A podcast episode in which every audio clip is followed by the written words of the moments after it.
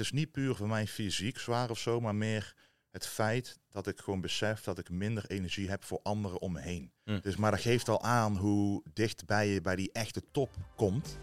En eh, ja, dus ik heb super veel zin om, eh, om het te showen op de Olympia zelf. Goeiedag, welkom terug bij een gloednieuwe Sportpoeder podcast in het teken van de Olympia. Want we zitten vandaag met de enige echte Wesley Vissers. Wesley, bedankt voor dat we weer aanwezig mochten zijn in het Oh, prachtige leuk. Best. En eh, ja, vandaag staat dus in het teken van de Olympia. Ehm, deze podcast is ietsjes eerder opgenomen, maar deze gaan we uitbrengen in de aanloop van de Olympia. En eh, nou, we gaan het vandaag hebben over de Olympia. Want ehm, hoeveel jaar op rij heb jij al meegedaan aan de Olympia? Eh, mijn eerste Olympia was eh, 2018. Eigenlijk het jaar dat ik pro werd.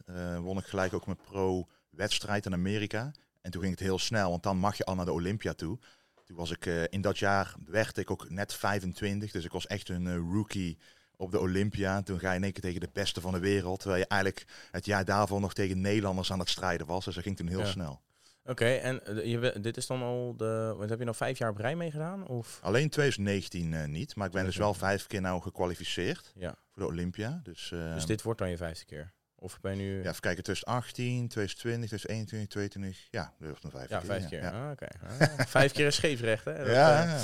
Oké, en eh nou, je bent natuurlijk vorig jaar ben je achtste geworden. Dat is je beste prestatie eh, tot nu toe. Ja. Dus het kan alleen maar beter gaan natuurlijk. Ehm, hoe zit je zelf in de running? Hoe denk je dat het dit jaar zal gaan? Ja, ik heb natuurlijk twee wedstrijden gedaan nu al. De eerste wedstrijd in Spanje heb ik gewonnen. En dat was ook al tegen een gast die mij eerst had verslagen. Dus ehm dat geeft al... Kleine revanche. eh, Ja, dus wij zijn al twee vooruit gegaan, maar ik heb hem toch weten te verslaan. Dat betekent dat de progressie toch best wel ja, goed gaat nog steeds, na zoveel jaar. Mhm. En eh, toen die tweede wedstrijd was natuurlijk in Dubai tegen Ruff Diesel. En je is al heel vaak eh, ja, twee keer achter elkaar tweede geweest op de Mr. Olympia. En als ik de comments lees onder de video die ik geplaatst heb, waar je gewoon echt letterlijk gewoon 10 minuten achter elkaar een eerlijke, transparante vergelijking ziet, zijn er, als ik objectief kijk, meer comments die zeiden van je had eigenlijk wel kunnen winnen, dan dat comments zeggen van terecht dat Ruff Diesel heeft gewonnen. Hm. Dus dat geeft wel, en als ik ook zelf gewoon kijk van, ja, ik zie, eh, ik zie dat ik in bepaalde dingen beter ben dan hem. En hij in bepaalde dingen beter dan mij. Maar het verschil is echt gewoon zodanig klein dat het eigenlijk een twijfelgeval is. Mm, Dan dat je zegt van ja, Ruff Diesel had gewonnen natuurlijk, want hij is Ruff Diesel. ja. Dus, maar dat geeft al aan hoe dichtbij je bij die echte top komt. En eh, ja, dus ik heb super veel zin om, eh, om het te showen op de Olympia zelf. Ja, Nederlands trots op de, op Ja. de Olympia. Ja, nice. Ja, want ehm, eh, we, hebben natuurlijk, we, we zijn natuurlijk al een paar keer eerder bij jou langs geweest. Hebben ook eh, samen getraind. Nou, in de tussentijd ben je natuurlijk alweer aardig wat eh, aangekomen. Want volgens mij mag je nu bij de Olympia iets van 7 pounds eh, er extra bij of iets, toch? Ja, bij, de, bij de Classic? er is een gewichtstoename geweest inderdaad. Omdat het oneerlijk was voor de gasten die wat kleiner waren. Maar Ah, oké. omdat ik al in een lange gewichtsklasse zit, zit er bij mij maar 900 gram extra bij, oftewel 2 pounds. Ja. maar je zou denken van, oh dat is niks. Maar dat is voor mij net genoeg. En een goed voorbeeld is ook Spanje. Toen moest ik wegen in de avond. Mhm. Wat wil dat zeggen? Normaal gesproken, dan moet je geen water drinken, niks eten om maar het gewicht te halen. Maar die 900 gram extra geeft mij dus twee à drie maaltijden die ik wel nu kan eten in plaats van niet. ja, precies. Dus dat geeft net die extra mogelijkheid om iets beter te laden en voller te zijn voor, zeg maar, voor de wedstrijd. En dat geeft toch een hele andere look voor mijzelf. En minder stress om die gewicht Ja. te halen. Oké, ja, fijn. Want ehm, als je kijkt naar, eh, want even kijken, wij zijn volgens mij in eh, juli vorig jaar zijn wij voor het eerst bij jou langs geweest. Mhm. Eh, nou, toen ben je natuurlijk daarna ook naar de Olympia geweest, Ja. achtste geworden van de, zeg maar in de wereld. Ehm, als je kijkt naar de momenten van toen ten opzichte van nu, wat waren toen je feedbackpunten waar je aan moest werken? En denk je dat dat nu verbeterd is geworden ten opzichte van eerst? Ja, feedbackpunten waren vooral ehm, de benen in proportie tot het bovenlichaam. Niet dat de benen slecht waren. Alleen als je kijkt naar de tegenstanders, tegenwoordig is classic fysiek echt een X-frame competition. Dus niet alleen het bovenlichaam moet goed zijn, zoals vroeger eigenlijk, maar ook de benen moeten ook echt gewoon, ja, gewoon gigantisch zijn eigenlijk. Ja. En dat heb ik wel echt flink verbeterd, ook tot verbazing van mijn eigen coach.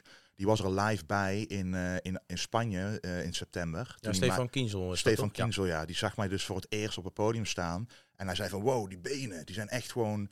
Die X-frame is er nu gewoon. Hij zei, het is eigenlijk een sterk punt geworden, zegt hij. Vooral van de voorkant. Gewoon die Mhm. quads zijn nou echt vooruit gegaan. En de algemene massa van de benen is echt verbeterd. Nog steeds een verbeterpuntje blijven de glutes. Die volgens mij heb ik de vorige keer ook al Ja, eh, klopt. benoemd. Inderdaad. Ja, dat kan je niet. Dat is, dat, dat is niet binnen een paar maanden te fixen. Daar Nee. heeft echt wel tijd nodig. Maar dat is Maar- toch ook vooral omdat de tegenstanders wat, eh, wat, wat grotere glutes hebben. Dat je- Ja. dat het, eh, want bijvoorbeeld Chris Bumstead heb je dat vorige keer gezegd. Die heeft best wel aanwezige glutes, waardoor Ja. daar heel erg naar gekeken wordt, omdat hij natuurlijk de eerste is. Ja, klopt. Dus hij is nummer één. En je krijgt sneller die striations in die spier als hij groter is. Ja, Dus ook al sta ik precies even droog, ik ga die lijnen niet zo makkelijk kunnen laten zien als zo'n Chris of een, of een ander bijvoorbeeld. Omdat die glutes gewoon minder groot zijn. Maar nu is de rest eromheen. Ja, de glutes zijn wel vooruit gegaan, maar nog steeds lopen ze ietsjes achter op de rest. Mhm. Maar de balans is wel echt veel beter dan eerst. En natuurlijk de bovenlichaam is ook verbeterd. En de presentatie is beter. En de conditionering is ook verbeterd. En wat ze op de Olympia altijd willen zien, is een verbeterde versie. Dus stel dat eh, je precies hetzelfde zou zijn, en iedereen ook eigenlijk. Eh, of ja, in ieder geval de rest zou verbeterd zijn. Nee, ik zou hetzelfde ge- geweest zijn, dan ga je automatisch een paar plekken achteruit. Ja. Maar je, dus je moet verbeteren voor die juryleden om eigenlijk ook te denken van, oh, die heeft echt toekomst in de sport. Dus dat is veilig om hen een paar plekken omhoog te zetten bijvoorbeeld. Of in ieder geval een betere plek te geven. Want het is terecht, want hij blijft toch wel vooruit gaan in de sport. Ja. En dat is een soort van onderlaag die altijd aanwezig blijft. Van als jij hetzelfde blijft, dan ga je eigenlijk achteruit. Dus, Ja. Het, ja, dus zeg maar stilstand is achteruitgang in bodybuilding wat dat betreft. ja precies. Ja, er moet wel progressie in zitten Ja, natuurlijk. eh. ja. Oké, en als je dan kijkt naar, eh, jij zegt dan, nou, het, het, eh, het werkpunt was dan vooral de benen. Dus dan glutes en, glutes, hamstrings en quads dan waarschijnlijk. Ja. Ehm, wat heb jij eraan gedaan om dat te verbeteren? Waarschijnlijk sowieso met je coach gesproken en die heeft daar waarschijnlijk een plan op maat voor gemaakt. Ja. maar- Ja, het is zeg maar geen magisch iets of zo. Maar wat ik altijd zeg, en ik hoop dat dit dan eigenlijk juist het geheim is. Maar je zoekt gewoon een paar oefeningen op die qua anatomie, qua hoe jouw lichaam werkt, het beste bij je passen. Dus bij mij altijd die belt squat bijvoorbeeld. Ja. Kijk, ik, ik ben wat langer, dus als ik een back squat doe met de stang op mijn rug. Het eerste wat er bijna gebeurt is, eerst buig ik al voorover. ja. Om maar de zwaartepunt in het midden te houden, zodat ik niet, voor, zodat ik niet achterover val. Je onderrug te veel belasten. Ja, dan heb- las ik mijn onderrug. Ik krijg niet een volledige kniebuiging. Eh, maar in, de- in de belt squat ik gewoon, kan ik gewoon zo diep mogelijk gaan tot mijn kuiten, mijn hamstrings raken. ja. En ik kan fysiek gewoon niet dieper. Hetzelfde als een leg press. Zeg maar, ik doe vaak op mijn stories, zet ik een leg press neer, hoe ik die uitvoer. En dan zeggen mensen, oh, je doet hem al heel erg breed. Maar dat doe ik omdat dan mijn benen langs mijn lichaam kunnen bewegen. Om die maximale rek te krijgen in die quads. krijgen, ja. En als ik dat doe, het gewicht kan eigenlijk met een derde echt omlaag. Alleen het gevoel in die quads is gewoon zo, zoveel beter. En die, zeg maar, als je dan rond, ik doe altijd eh, tussen de sets inlopen. En dan loop ik, loop ik rond de gym en dan voel ik in één keer die ongelofelijke bloedstoevoer in die spier die ik normaal nooit zou voelen. Ja. Van dan voel je je wel vermoeid en zo, maar je bent niet echt dat je een pomp voelt in die spier. Wat ik wel altijd bij borst heb en rug heb, maar bij benen had ik dan niet, nooit echt. Maar nu ik er zo train, is er echt veel meer aanwezig. En het is een kwestie van gewoon maand in, maand uit dat gewoon blijven doen. En daarin sterker worden in die full range of motion, zonder dat je ergens anders last van krijgt. Dus als je last hebt van je knieën of last hebt van je onderrug of van iets anders, dan moet je gewoon kijken naar je uitvoering. En bijvoorbeeld dingen gebruiken zoals een eh, eh, eh, gewichtshefschoen. Dat jouw hak wat hoger is, zodat Ja. jouw enkel minder flexibel hoeft te zijn om diep te gaan. Dat soort dingen heb ik allemaal toegepast om die volledige range of motion te kunnen blijven doen.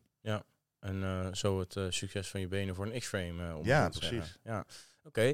Hey, wa- wanneer is de Olympia precies? Welke datum is dat? 4 november. 4 november. Ja. Oké, dat is al over hoeveel weken? Nu 22 eh, dagen op dit moment. 22 ja, je bent aan het aftellen. Ja. ja, want ehm, hoe lang... ehm, eh, het- is nu is het eh, voor, voor de luisteraars, het is nu 13 oktober. Komt wat later uit deze podcast. Waarschijnlijk in de week voor een Olympia. Maar wat, ehm, eh, hoe, hoe lang duurt zo'n prep voor jou? nou, ik ben nu dus hoe al- lang heeft deze, gaat deze prep duren, zeg maar? Ja, ik ben vanaf mei al, vanaf mijn verjaardag eigenlijk al in de prep.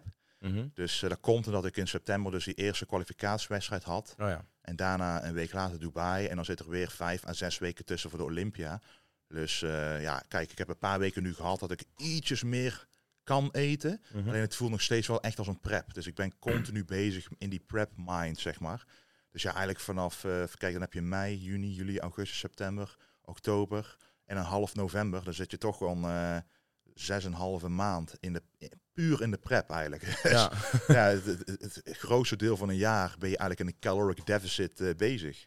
Mer- Merk je ook, eh, vind je dat zwaarder dan voorgaande jaren? Omdat je nu zo langdurig in een, eh, ja, in een, in het kort zit. Ik weet Nou- dat jij de focus hebt van een, ik zeg altijd elke bodybuilder is au- nou ja, autist in zijn werk wat Ja. hij doet.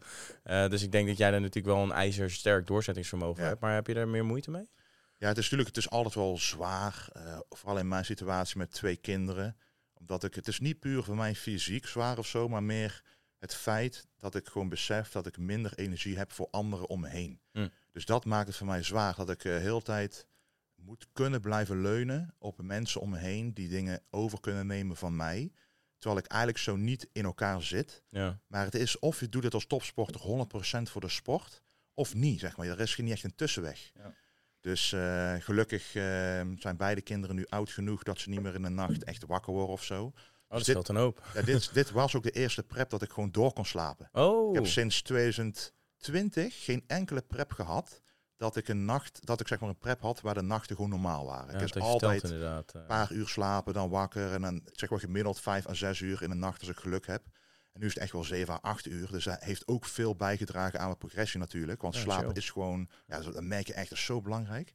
Dus eh, wat dat betreft, eh, dat horen we vaker. ja, ja. Dus eh, ik heb het nou echt zelf ervaren. Van gewoon als eigen persoon van, ja, het, verschilt echt veel. Ook al die één à twee uur extra slaap per nacht. Je vetverbranding gaat omhoog.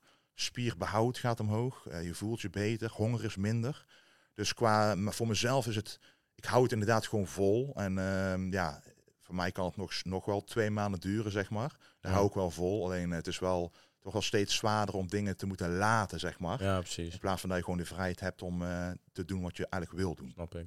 Ja, dat is denk ik ook wel het lastige aan eh, natuurlijk eh, topsport bodybuilder zijn gecombineerd met ook een vader eh, Ja. voor je kids. Want ja, dat heb je nou helemaal met jonge kinderen die slapen wat minder goed door. Ja. Dus dat is inderdaad ook wel ja, een beetje ja, risico van het vak als vader zijnde Mhm. tijdens het bodybuilden. Maar ja, je had het natuurlijk ook niet willen missen. Nee, dus nee. daarom probeer je natuurlijk ja, die balans eh, zo Ja. goed als mogelijk eh, Ja. te houden. Oké, en nou ja, in ieder geval eh, nog eh 22 dagen tot, eh, tot de Olympia. Ehm, hoe lang duurt zo? Of eh, eh, je zit dan nu in een best wel lange prep eh, van eh, eh, vijf à zes maanden. Ja. Ehm, eh, hoe, eh, want jij maakt dan nu een doorstart, want we hebben dan twee weken geleden hebben we een Dubai gehad, als ik het goed zeg. Eh, Ongeveer anderhalf, twee weken zoiets. Minstens twee weken, ik denk tweeënhalve Oh, weken. tweeënhalve week. Hoe eh, pak je dat dan daarna? Want je bent natuurlijk helemaal depleted op zo'n wedstrijd. Ja. Ga je dan een soort mini-bulk inzetten en daarna weer door? Of Ja, eigenlijk omdat er maar vijf à zes weken tussen zat.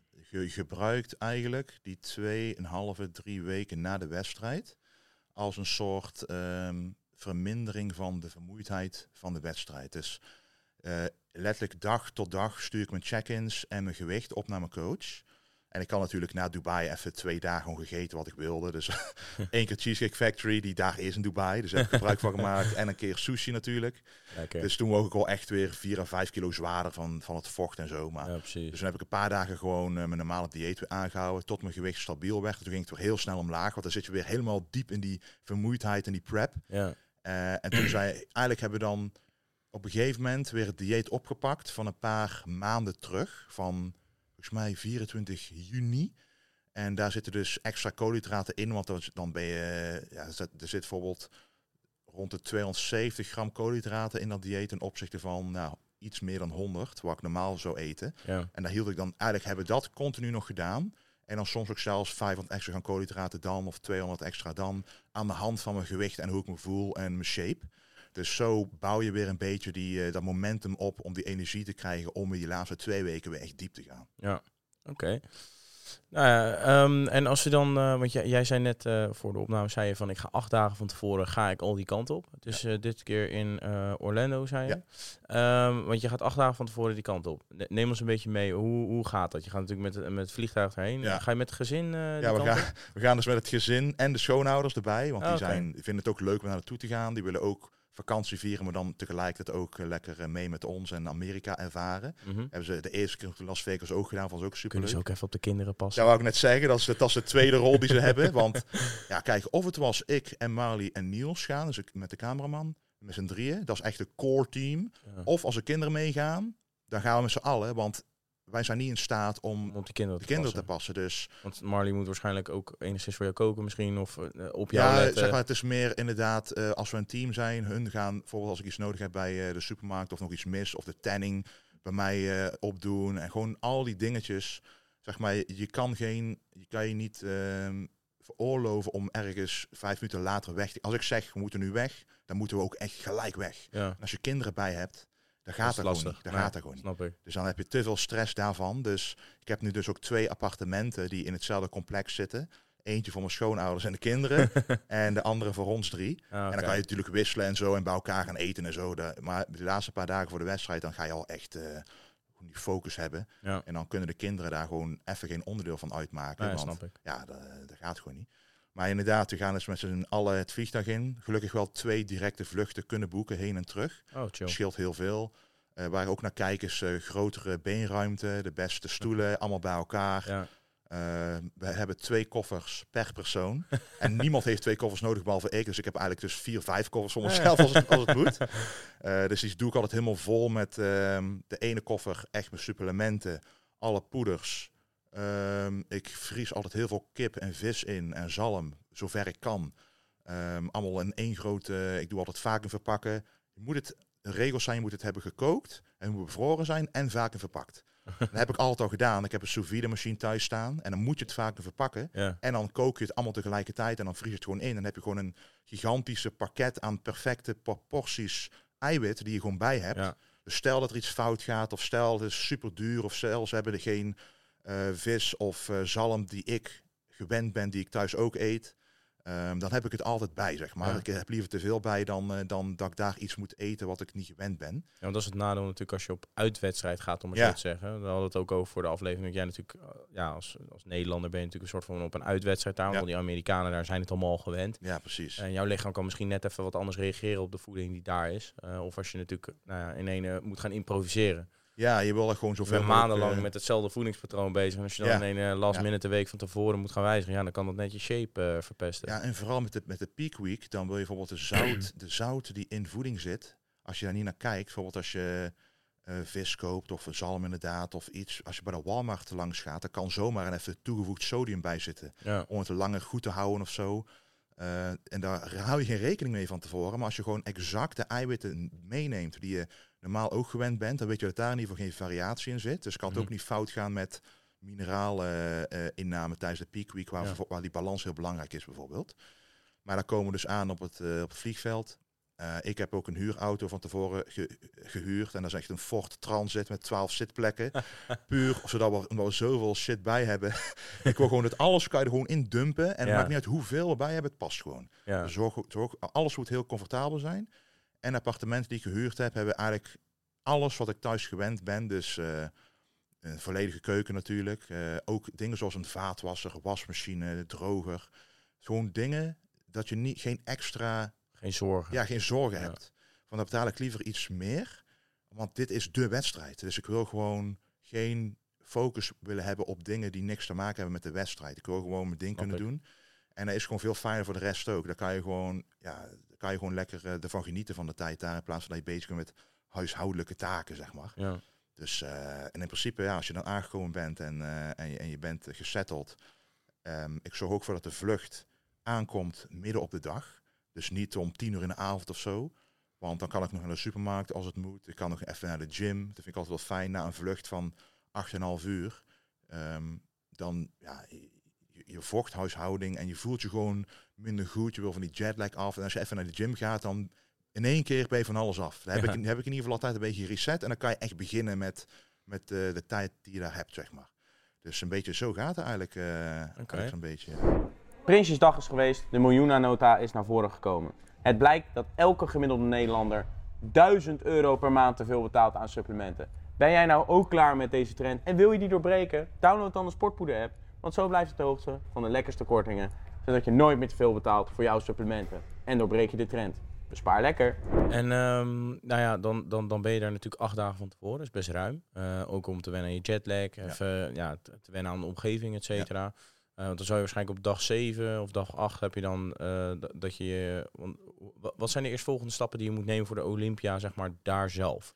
Want je, waarschijnlijk moet je, je hebt natuurlijk dat je moet wegen of Ja, je nog- hebt dan als allereerste heb je inderdaad de athletes, de pro-athlete meeting. Ehm, dan ga je dus met alle atleten die meedoen aan Olympia, ehm, ga je naar eigenlijk het, eh, de ruimte waar het wordt gehouden. En eh, zoals de Orange Convention Center in Orlando. En daar heb je dus heel, dat is eigenlijk een super grote ruimte met eh, heel veel aparte ruimtes weer. En een van die ruimten wordt dan gereserveerd voor de wegingen en zo inderdaad. Dus eerst krijg je een uur lang een uitleg van zo, zo zal het gaan en zo, hier moet je rekening mee houden. En gewoon de standaard praatje, zeg maar. Maar het is wel leuk om dan weer even te horen van, uh, you're part of the Olympia, you're be- best athletes and we're gonna do this and that. Dan hoor je dan allemaal, dan voel je al echt eventjes, ja, wel trots dat je eraan meedoet. Dus dat is Mhm. altijd wel toch een leuk gevoel, de leuke sfeer die je eruit haalt.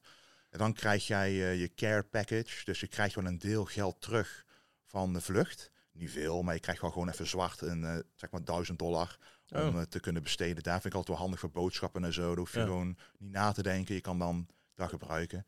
Ehm, je krijgt jouw, eh, jouw badge, dus jouw getal die op jouw broekje moet doen voor als je op het podium gaat. Je krijgt eh, een ticket om op de expo te gaan en dat soort dingen. Je krijgt eigenlijk een soort pakket en altijd die Olympia tracksuit. Die heb ik er nou vier van, dus er wordt een vijfde. Dus dat is, Tracksuit, eh, bedoel je dan? ja, dat is, een- dat is een vest. Ja. Ja, normaal, de open gast krijg je ook een broek erbij. Als classic worden weer een beetje achtergeschoven. Dan krijg je alleen maar het vest. alleen ieder jaar designen ze een apart vest voor dat oh, jaar. vet. Dus ik heb nu vier verschillende. En dat kan op een gegeven moment een collectors item worden Ja, natuurlijk. precies. dus het is wel heel leuk om te zien dat ze ieder jaar echt, een, echt wel mooi, goede kwaliteit. Ik heb nog zelfs van de allereerste jaar kan je nog gewoon super goed gebruiken. De, ik vind dat echt wel mooie dingen. Eh, en daar loopt iedereen dan bijna ook gewoon in rond. Ook al is het daar gewoon 30 graden of zo. Iedereen is zo trots op dat, op dat Ja. vest. Om te laten zien van, hey, ik ben een Olympian, zeg maar. Dus dan heb je de weging. En ehm, daarna heb je nog de Meet the Olympians. Of ja, net ervoor of daarna ligt er een beetje aan hoe ze het doen. En dat is een, eh, moet je dat twee uur, zit je dan achter een tafel zoals dit. Je hebt de mogelijkheid om merchandise mee te nemen, wat ik dit ga doen. Dus posters, kleding, eh, ja, gewoon allemaal dingen die mensen zouden willen kopen van jou op dat moment. Dus kan je echt je handtekening bijzetten. Ze kunnen foto's maken, ze kunnen vragen stellen. En bijvoorbeeld als je naar zo'n Chris Bumstead kijkt, die heeft dan gewoon een, een, een lijn bij, bij zijn ding staan. Dan gewoon helemaal rondom heel die ruimte gaat. Dat is gewoon niet normaal. maar daar kan je ook extra voor betalen als VIP om daar extra vroeg aanwezig te zijn bijvoorbeeld. Dus je moet als atleet best wel veel nog doen voor de Olympia Ja. voordat je daadwerkelijk de wedstrijd gaat doen. En dan is twee dagen daarna, want dat is op donderdag. En op zaterdag is dan de pre-judging. En die pre-judging, dat is al om eh 9 uur in de ochtend begint het al. Dan moet je ook, dan moet je ook aanwezig zijn, backstage. En dan is het eigenlijk gewoon backstage eh, een beetje wachten ehm, tot je horen krijgt van oké, fysiek, eh you're up. En dan moet je beginnen met oppompen. Dan gaan, er staan er ook ehm, eh, dames van ProTan om jou te glazen met olie. Dat wordt dan ter plekke verzorgd. Daar hoef je ook geen zorgen over te maken. En de tanning die ook op moet hebben, die wordt dan door mijn vriendin gedaan. Dat vinden we fijner. Want je moet je voorstellen als je daar bent. Ik heb net al die e- extra afspraken benoemd waar je aanwezig moet zijn. Als je dan ook nog eens een pro-10 afspraak moet maken. Ja. Dat is vaak, oh dan moet je daar om 7 uur in de ochtend zijn. En dan tweede tanning om 10 uur in de ochtend. En dan Ja. zit je heel het op en neer te rijden. En, en je wil niet gaan zweten want in die hitte, want je wil je tijd niet kwijt. Dus wij doen het altijd in de rust van het appartement. Doen we letterlijk gewoon met een verfroller. eh, Ik eh, zag en- tot de vorige vlog van je inderdaad in Dubai. ja. maar dan is wel zo'n goede kleur. En dan kan je echt precies bepalen. Zo donker vind ik het mooi. En eh, we maken dan foto's en video's om te kijken van wat is het beste resultaat. En we weten nou heel goed wat bij mij goed past. Wat natuurlijk oogt, maar wel donker genoeg. Om naast een rough diesel niet in één keer eh, heel licht te lijken. Ja. Je moet altijd een balans En een goede contour hebt. ja, Ja. treffen daarin. En ehm, dus ja, wat dat betreft, dan ben je eigenlijk gewoon ready voor, eh, voor Olympia. Ja. En eh, bij die prejudging, want dan moet je dus ook gaan oppompen. En wa- wat wordt er daar precies bepaald? Want dan... eh, Ja, de prejudging is eigenlijk, ja, het heet eigenlijk, als je het vertaalt, de, zeg maar de voorjurering Ja. eigenlijk. Maar eigenlijk is dat het belangrijkste. Daar wordt eigenlijk al bepaald wie er in principe bijna wint al. Want eh, de prejudging, de vorige keer eindigde het met Chris Bumstead en Ro- Ray- Ramon, Ramon Dino, de Braziliaan, die dus eerst en tweede waren. Hun twee waren ook als laatste nog aan het poseren bij de prejudging als laatste call-out. ah, Dus dan weet je al 100% zeker, dit is 1 en 2. Dan weet je allemaal wie dan echt 1 is. Dat wordt dan bepaald bij de finale. Ja. Maar meestal weet de jury al wel van ja, als dit zo blijft tot aan de finale, wat dan om 7 uur in de avond is, dus dat is zeg maar ja, nog geen 12 uur later, dan kan er vrij weinig nog gebeuren. Tenzij iemand echt iets heel eh, raars gaat doen in de tussentijd. Maar als je gewoon je shape onderhoudt, dan is die uitslag die je bij de prejudging ziet. En dan kan je een beetje zien aan hoe mensen ingedeeld worden in de call-outs. Dus stel je hebt een call-out van vijf mensen. dan is er één iemand die in het midden staat. Diegene die in het midden staat, die achten ze de beste, waarmee de rest wordt mee vergeleken. Ja. Dus Chris Bumster staat vaak dus in het midden. Daarnaast Ramon, daarnaast staat Urs. En daarbuiten bijvoorbeeld een Mike en een Brian.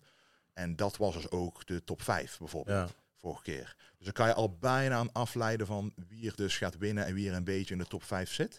Maar daar buiten wordt het wel moeilijker. Dus bijvoorbeeld mijn achtste plek, die kon ik eigenlijk... Ja, ik had geen idee of ik nou achtste was, of zevende, of negende. Dat was Ja. heel moeilijk te bepalen van mij. Dus voor mij is het wel een big deal, zeg maar.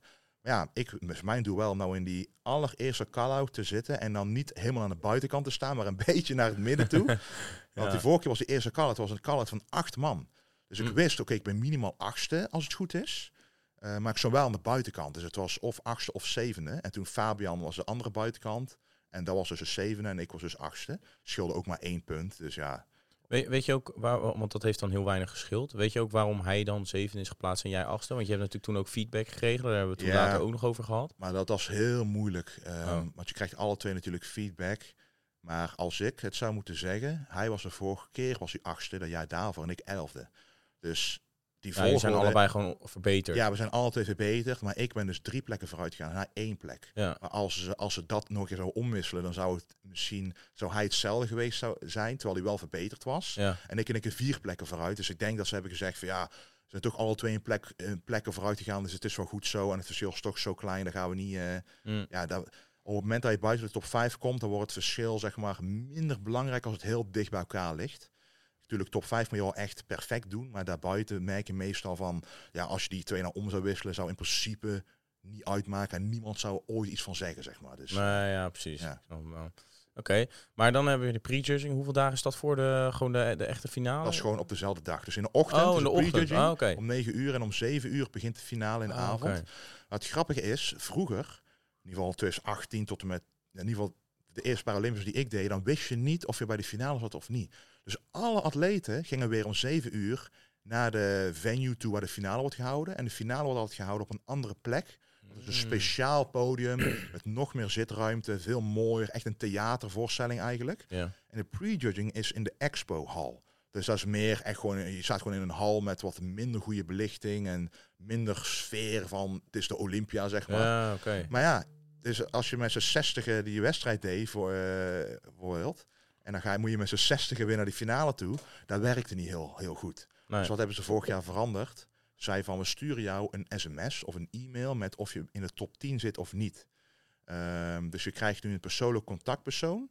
Eh, dit nummer, eh, dan, mag je, dan krijg je een nummer krijg je mee. Als je van dit nummer te horen krijgt van je zit in de top 10, dan weet je, oké, ik moet dus vanavond terug. Maar als jij te horen krijgt van ja, je kan, eh, je kan naar huis, dan kan je, ben je ook klaar. Want normaal moet je dan nog steeds jouw tanning goed houden, moet nog steeds goed eten, terwijl je misschien dertigste bent of zo, terwijl dat nul nut heeft. Dus je kan in Ja, principe oké. ben je dan gewoon vrij om te doen wat je wil als je niet in de finale komt. Dus dat scheelt superveel moeite voor de atleten en superveel ruimte backstage. Want al die atleten die niet mee hoeven te doen, die zijn nou ook niet aanwezig. Ja. Dus het scheelt echt gewoon heel veel. Ja. Dat is wel een mooie, ja, logische stap die ze hebben gemaakt. Maar toch wel goed dat ze het hebben gedaan. Ja. Hey, en eh, ja, een beetje nieuwsgierig, ook misschien een beetje een brutale vraag. Eh, Het is natuurlijk best wel een hele onderneming om daar naartoe te gaan. Eh, er zal waarschijnlijk ook best wel aardig wat kosten bij Ja. komen. Als je een appartement, huurauto, het hele pakket. Ehm, hoe zit dat een beetje in elkaar bij bodybuilding? Want kijk, jij zit natuurlijk in de top 10, dus dan zou je waarschijnlijk ook misschien wel een privilege hebben bij de Olympia zelf al. Alleen stel dat je bijvoorbeeld nummertje 30 bent, Ja. dan zou je denk ik alles zelf moeten regelen en bekostigen. Ja, sowieso iedere Olympische eh, atleet, of ja, Olympian eigenlijk, Mhm. die krijgt een bepaald bedrag terug. Of je nou, wat van tevoren, krijg je van tevoren al terug, voordat ze überhaupt weten welke plek je hebt. Ja. Dus bij die, eh, bij die eh, check-in eigenlijk, waar je ook moet wegen, krijg je dus al een envelop met gewoon dollars erin. Ehm, en bijvoorbeeld mensen van buiten Amerika krijg je, krijg je al standaard 1000, want die vlucht is duurder. En binnen Amerika tot max 500 volgens mij dollar. Dus dat krijg je al sowieso.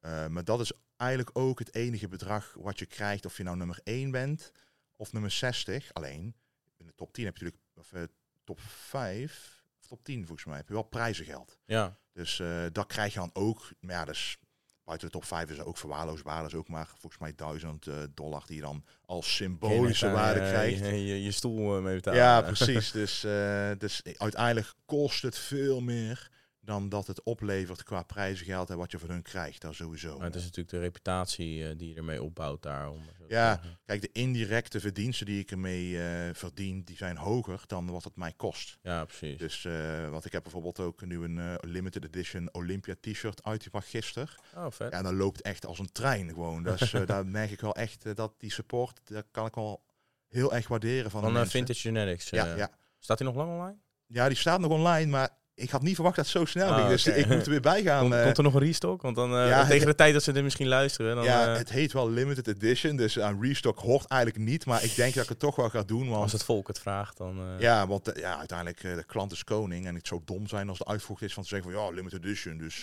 dus dat is voor Nou. mij dom en voor de klant dom. Mocht je deze podcast horen, Vintage Genetics en dan de limited edition eh, voor de Olympia voor Ja. eh, 2023. Dan, eh, Oké, ehm, maar dus eigenlijk wat je zegt is dat je ook wel heel erg afhankelijk bent van spo- sponsors, denk ik daarin ook, dat dat Ja. allemaal geregeld wordt. Want ja, je moet natuurlijk met het hele, nou, het hele team die kant op. Mhm. Dus dat, eh, ja, het zijn wel veel dingen die daarbij komen kijken. Zeker. Dat, eh, krijg je daar ook veel stress van? Of is het gewoon goed plannen van tevoren? Dat het, eh, Nou, als ik het goed plan, dan heb ik geen stress. Maar ik had bijvoorbeeld al het appartement, alles had ik geboekt. En in één keer krijg je zo'n bericht van, ja, sorry, eh, onze, onze, ja, weet ik veel, de reden boeide me niet, maar het ging gewoon niet door, het appartement. mm, Dat was via booking.com en ik, eh, normaal gaat er alles goed. En dan in één keer, twee maanden nadat ik het geboekt heb, dan zeggen ze in één keer van, ja, sorry, het gaat niet door. En het vervelende is, ik boek altijd heel vroeg, want de Olympia in Orlando is een super groot evenement ja, waar echt ongelooflijk veel mensen op afkomen. Dus als jij te laat gaat boeken, dan is er bijna niks meer over. ja, Wat een keuken heeft, een magnetron, eh, alles wat ik vereis aan zo'n appartement. ja, Dus ik had echt nog geluk dat ik er één kon vinden. Want ik ben het, we zijn het met een gezin, dus ik wilde twee appartementen bij elkaar. Alle twee moeten ze dezelfde ameniteiten hebben. eh, dezelfde afstand van de... We willen ook niet 20 kilometer van eh, de Orange Convention Center zitten. Dus het moet dan een beetje allemaal te doen zijn.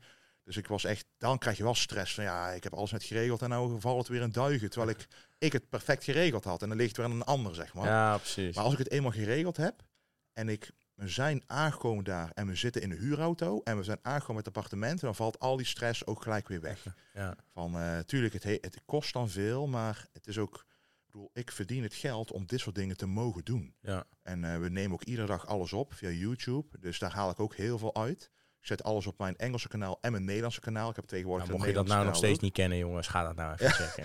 Gewoon Wesley Vissers op YouTube intypen en dan het. Nederlands kanaal. Of Engels, wat je zelf prefereert. Ja, want als je echt wil weten wat er behind the scenes gebeurt bij zo'n atleet als ik bij de Olympia, dan moet je dat, ja, dan zou ik echt gewoon kijken. Want Ja, ik check het ook regelmatig. Ik vind Ja, het heel van- interessant. ja, van A tot Z gewoon precies hoe ik het doe. Ehm, ja, wat er nou echt bij komt kijken bij zoiets. En eh, wat ik er echt van vind op dat moment. Want Niels is er gewoon echt overal bij. De cameraman. En die filmt gewoon precies eh, zoals het is. Met eh, de goede en de slechte dingen zeg maar bij elkaar. dus het is wel leuk om dat nu echt goed te kunnen laten zien. Ja. Maar er komt toch heel veel weer uit, zeg maar. Als je gewoon een beetje als zakenman kijkt van ja, de kleding, de supplementenverkoop, eh, de schema's, de coaching. Dat gaat allemaal even keer twee, keer drie door die video's. Omdat Ja. mensen meer betrokken zijn bij jou. Ze willen je steunen. En daar maakt het echt een soort win-win voor iedereen. En daar maakt het echt wel een mooie sport om te beoefenen op mijn niveau op deze manier. Ja, zeker. Maar ik denk ook inderdaad dat er nog heel veel potentie in zit eh, op de manier eh, hoe je het nu aan het opbouwen bent. Dus dat eh, nog meer hype eromheen. Nederlands Ja. trots op de Olympia. Ja, daar gaan we voor. Ja, top. Ja, ja, verder zijn er nog andere dingen waar we eh, rekening mee moeten houden wat betreft de Olympia. Ja, verder, hoe, eh, dat, dat, dat, want je, je gaat natuurlijk een paar dagen van tevoren ga je, ga je laden. Mhm. Ehm, hoe probeer je dat voor jezelf zo goed als mogelijk te doen in Amerika? Want je moet natuurlijk eigenlijk alles, ja, of die mee die kant op nemen. Maar Ja. dat, daar zijn natuurlijk ook een paar dingen waar je rekening mee moet houden. Ja, dus ik, het laden is eigenlijk bij mij ook heel simpel. Ik hou het bij voedingsmiddelen die ik inderdaad gewend ben, ook in Nederland te eten, dat ik goed op reageer. Maar ik heb in Dubai, ehm, heb ik eh, dadels gekocht. Gewoon, dat is gewoon niet normaal, die dadels. Ja, je denkt, als je niet van dadels houdt, probeer die dadels maar eens. Dat is gewoon ongelooflijk. Maar waarom ik benoem, is dadels is een onderdeel van mijn laadprotocol. Dat dat zit, eh, eh, ehm, hoe heet dat? Potassium, hoe heet het ook alweer? Zeg maar, je hebt eh, zout, kalium, kalium zit erin. Oké. Kijk, het laden, om het heel simpel te zeggen, is gewoon rijst en rijstebloem. Om en om. En dan acht maaltijden op een dag. Of zeven à acht maaltijden. Dus ik begin met rijstebloem, met een beetje whey, eh, met een banaan en een beetje pure chocola. Tweede maaltijd, is dan eh, gewoon Uncle Ben's white rice. Met een beetje kurkuma er doorheen om die golden rice te creëren. En daar zitten dan die dadels doorheen voor die extra kalium. Ook een banaan bij de cream of rice voor die ook die extra kalium. En ehm, daar zit een beetje kip bij en een klein beetje groente eh, op de eerste laaddag. Maar voor de rest ook eigenlijk niks eh, speciaals. Maar daar, dat is dus het enige wat ik mee laat. Want alle groentes gaan er sowieso uit. Dus hoef ik geen, geen zorgen over te maken over dat het anders zou zijn. Maar omdat alle groentes eruit gaan, verlies je ook heel veel aan de mineraalwaarde die je normaal binnenkrijgt met die groenten, zoals courgette of spinazie, waar veel kalium in zit, moet je toch op een of andere manier vervangen, zodat je niet in één keer in een tekort komt van een bepaald mineraal. Ja. Dus daarom doe ik een banaan erbij en dadels erbij als koolhydraatbron waar die mineralen ook weer bij zitten. Dus eh, op die manier, ik neem dus al die rijstbloem wel inderdaad mee. Dus ik neem echt gewoon drie, vier kilo uh, rijstbloem mee. ik, uh, als het kan, neem ik ook echt de, de rijst zelf mee. Maar ik weet in Amerika, als het aankomt op variaties en rijst en zo, dan hoef je daar geen zorgen over te maken. Dan heb je echt gewoon oneindig keuzes. Vooral Uncle Ben's, wat hier zeldzaam is, is daar eigenlijk, daar komt het vandaan. Mm. En Uncle Ben's voor degene... Klinkt ook wel heel Amerikaans. Ja, Uncle Ben's. Dat is gewoon een, echt een rijstmerk. Maar ik vind die losse rijstgranen, die korrels, veel fijner eten dan zo'n zo'n blok zeg maar aan uh, pandanrijst of zo. Of Ja. Vooral als je het eh, zes keer per dag moet eten, dan is dat per rijstgraan die apart van elkaar af te wegen is veel fijner dan dat je, ja, dat je een supergrote pan maar waar gewoon één klont aan rijst in zit, zeg maar. Sommigen houden daarvan, maar als je dat heel veel achter elkaar moet eten, dan wil je wel jouw meeste voorkeursrijst kiezen die voor jou het lekkerste is. ja, snap ik. Dus op die manier, eh, zo, zo laat ik eigenlijk. En ehm, ik en mijn coach die kijken dan eigenlijk om de zoveel maaltijden naar het gewicht en de shape.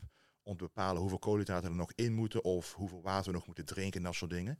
Maar dat gaat nou al zo vaak eigenlijk gewoon goed dat we heel goed in, eh, eh, weten bij welk gewicht zie ik er het beste uit. Dat deed ik vroeger dus fout. Eh, ik keek nooit naar hoe mijn gewicht veranderde gedurende de dag. Want je wordt bijvoorbeeld op 110 kilo wakker. Dan zie je, maak je foto's, ik ben plat. Je eet drie maaltijden, je bent 111,5. Ja, ik ben iets voller, maar net nog iets platter. Eet je weer twee maaltijden, ben je 112,8 kilo. En dan zie je van, wow, dit is echt een goede shape. Maar je blijft doorladen, 114 kilo. Ja, nou ben ik iets softer geworden. Dus 114 kilo is al te zwaar. Maar die 112,8 was perfect. Ja. Dus wat weten we nu? Nou, op de dag van de wedstrijd, na bijvoorbeeld eh, als je om 9 uur dus op het podium moet, eet je misschien één en twee maaltijden. Maar na twee maaltijden moet ik dus al 112,8 gaan wegen op de dag van de wedstrijd om die beste look te krijgen. ja. Dus dat moet ik ook de dag van tevoren in de nacht al een bepaald gewicht hebben. Dat ik wakker word eh, op, een, op een lage gewicht waar ik met twee maaltijden dus die 112,8 kilo mee kan halen. ja, precies. Dus ik moet dus laden tot de avond tot een bepaald gewicht. Ik weet dat ik 3 kilo in een nacht verlies. Dus dan moet ik 100, stel dan moet ik 116 kilo, eh, of nee, 115 kilo weeg ik bijvoorbeeld voor het slapen. Weeg ik als ik wakker word 111,8 bijvoorbeeld, heb ik nog een kilo te gaan met twee maaltijden om die beste look te krijgen. Maar de enige manier om dat te weten is met foto's en met gewicht tijdens de foto's, zodat je weet van dit hoort, dit gewicht hoort bij die look. Anders zit je maar te gokken van ja, Ehm, nou, we gaan maar eh, drie maaltijden nog eten voor de wedstrijd, want eh, ja, we hebben koolhydraten nodig, maar misschien is er wel net één maaltijd te veel. Ja. Dus je wil nou wel echt precies weten, vooral voor zo'n wedstrijd als de Olympia, en je hebt toch niks anders te doen. Dus je kan net zo goed gewoon eh, precies alles tot de puntjes perfect doen, Ja. in plaats van dat je het maar gaat gokken. Dus daar heb ik wel echt geleerd van de afgelopen jaren, dat ik dan niet meer ga gokken. Van, oh, maar zoveel mogelijk laden, want ik ben toch depleted en ik vind het lekker, dus ik eh, toch maar die extra maaltijd. Nee, het, is, het gaat nou om de wetenschap. ja. We hebben het nu getest. Het is nu in de smiezen. Ja, precies. Ja, Ja. Hey, en ehm, eh, neem je ook je eigen weegschaal mee of niet? ja die neem ik mee. waar- ja, niet je etensweegschaal, maar gewoon waar je op staat. Ja, ja, alle twee. precies. Ik. Ja, had dus de vorige keer mijn uh, keukenweegschaal was ik vergeten. Ik Oh, van, oh shit. En de andere keer was ik weer mijn, mijn eh, normale weegschaal vergeten. Dus ging Marley ging naar de supermarkt toe. Echt zo'n super grote supermarkt. Daar hadden ze echt van alles. Dus had ze een nieuwe weegschaal gehaald. En die weegschaal neem, zit dus nu al in mijn koffer. Die gaat er ook nooit uit. Dus die vergeet ik ook nooit. ah. En ik heb ook twee keukenweegschalen gehaald. In, dat was in Alicante in Spanje. Die zitten nog in de verpakking. En die gaan ook nooit uit mijn koffer. Dus ik heb, ik heb en extra batterij heb ik mee. Preventie, ja. Dus, eh, dus ik heb eigenlijk een koffer. Ik heb eigenlijk dubbel aan keuken-equipment in mijn koffer zitten dan dat ik thuis ook heb. Zodat ik gewoon niet hoef na te denken. Ik hoef Ja. niet te wisselen of zo. Of dat ik iets vergeet. Dus het is gewoon altijd aanwezig op die manier. Oké. Hey, en eh, als je daar dan, eh, want je moet natuurlijk, daar, daar, je blijft daar trainen. Zoals je al zei, het liefst ga je na, na, na de lange vlucht, ga je ook even gymmen. Ja. Ehm, heb je daar nog moeite mee met de, eh, met de sportscholen daar? Omdat je, ja, je bent hier natuurlijk gewend aan je eigen gym. Voor mij train je hier bijna altijd. Ehm, Ja. In Amerika zijn de gyms natuurlijk wel beter dan in Nederland. Maar eh, kan je daar ook goed uit de voeten of niet? Ja, eigenlijk, eigenlijk wel. Het ligt een beetje aan hoe druk het er altijd is. Dus je moet wel kijken naar eh, dat je geen. Je moet eigenlijk niet naar de beste, meest bekende gym gaan. Want als je dat doet, dan is de kans dat jij een oefening kan doen die je eigenlijk moet doen heel klein. Ik ging bijvoorbeeld in Las Vegas naar Dragon's Lair van Flex Lewis. Ja, je wil natuurlijk naartoe vanwege de naam. De, iedereen die een beetje van bodybuilding houdt en een beetje hardcore in bodybuilding zit, die weet welke gym dat is. Maar ja, dat was gewoon zo druk. Ik bedoel, je, je doet maar wat, zeg maar. Wat er, wat er vrij is, dat doe je maar. Want Ja. er is gewoon niks anders. dus, eh, dus qua... Ik heb mijn logboek altijd. Dus ik weet precies, oké, dit is eh, de oefeningen die ik normaal gesproken doe.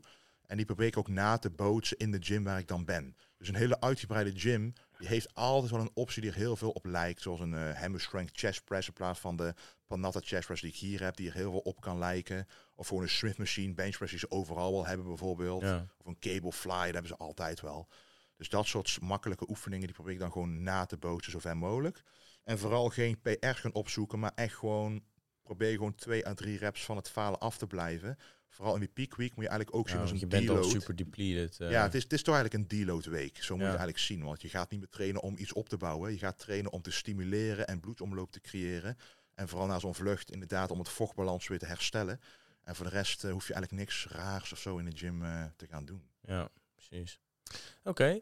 Nou, ehm, ik denk dat we heel veel eh, leuke dingen besproken hebben over eh, de Olympia. Ik eh, wens jou in ieder geval heel, heel, heel veel succes. En hopelijk dat je Nederlands trots op het podium mag zetten. Nou, Ja. We zijn natuurlijk sowieso trots op je, maar dat, dat, dat Nederland een mooie reputatie krijgt op de Olympia. Dus dat gaat heel veel succes. Voor iedereen die luistert, wens Wesley ook in de week eventjes succes met de Olympia. Eh, check nog even zijn, eh, nou, natuurlijk zijn Instagram-account en zijn eh, YouTube-kanaal. Ben je het nou via onze YouTube aan het kijken, laat even een blauw duimpje achter en knip op die prachtige abonneerknop. En ben je nou via Spotify aan het luisteren, laat even een vijf sterretjes review achter. Wesley, bedankt. Succes. Top, en tot de volgende keer weer. Ciao. Bedankt voor het luisteren naar deze podcast. Kleine reminder nog voor de Sportpoeder app. Die kan je gratis downloaden in de App Store en in de Google Play Store. Voor de hoogste kortingen op jouw favoriete supplementenmerken, zodat je nooit meer te veel betaalt.